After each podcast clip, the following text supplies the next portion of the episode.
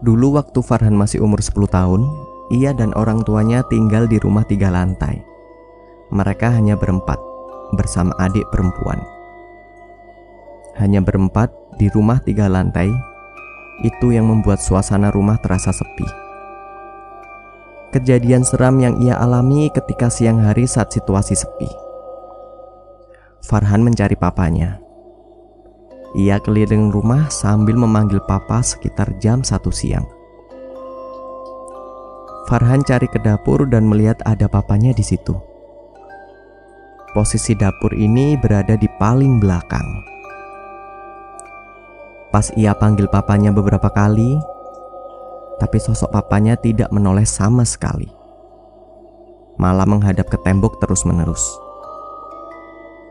Farhan bingung kenapa menghadap tembok terus.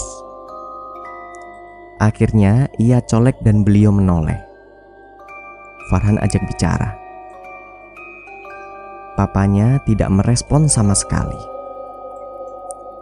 Mukanya pucat dan tangannya itu dingin banget. Akhirnya, ia ke ruang tamu karena kesal dicuekin oleh papanya itu.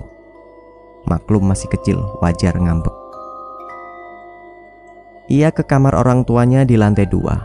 Ia mencari mamanya. Anehnya, waktu Farhan ke kamar, ada papanya di sana. Ia makin bingung. Langsung Farhan tanya kepada papanya. Lah, bukannya tadi papa di dapur ya? Lalu papanya menjawab, Enggak kok, papa dari tadi nggak pernah keluar kamar. Ia langsung deg-degan dan merinding. Farhan bilang ke mama dan papanya, "Lalu yang di dapur tadi, yang aku ajak ngobrol siapa?" Kedua orang tuanya langsung kebingungan.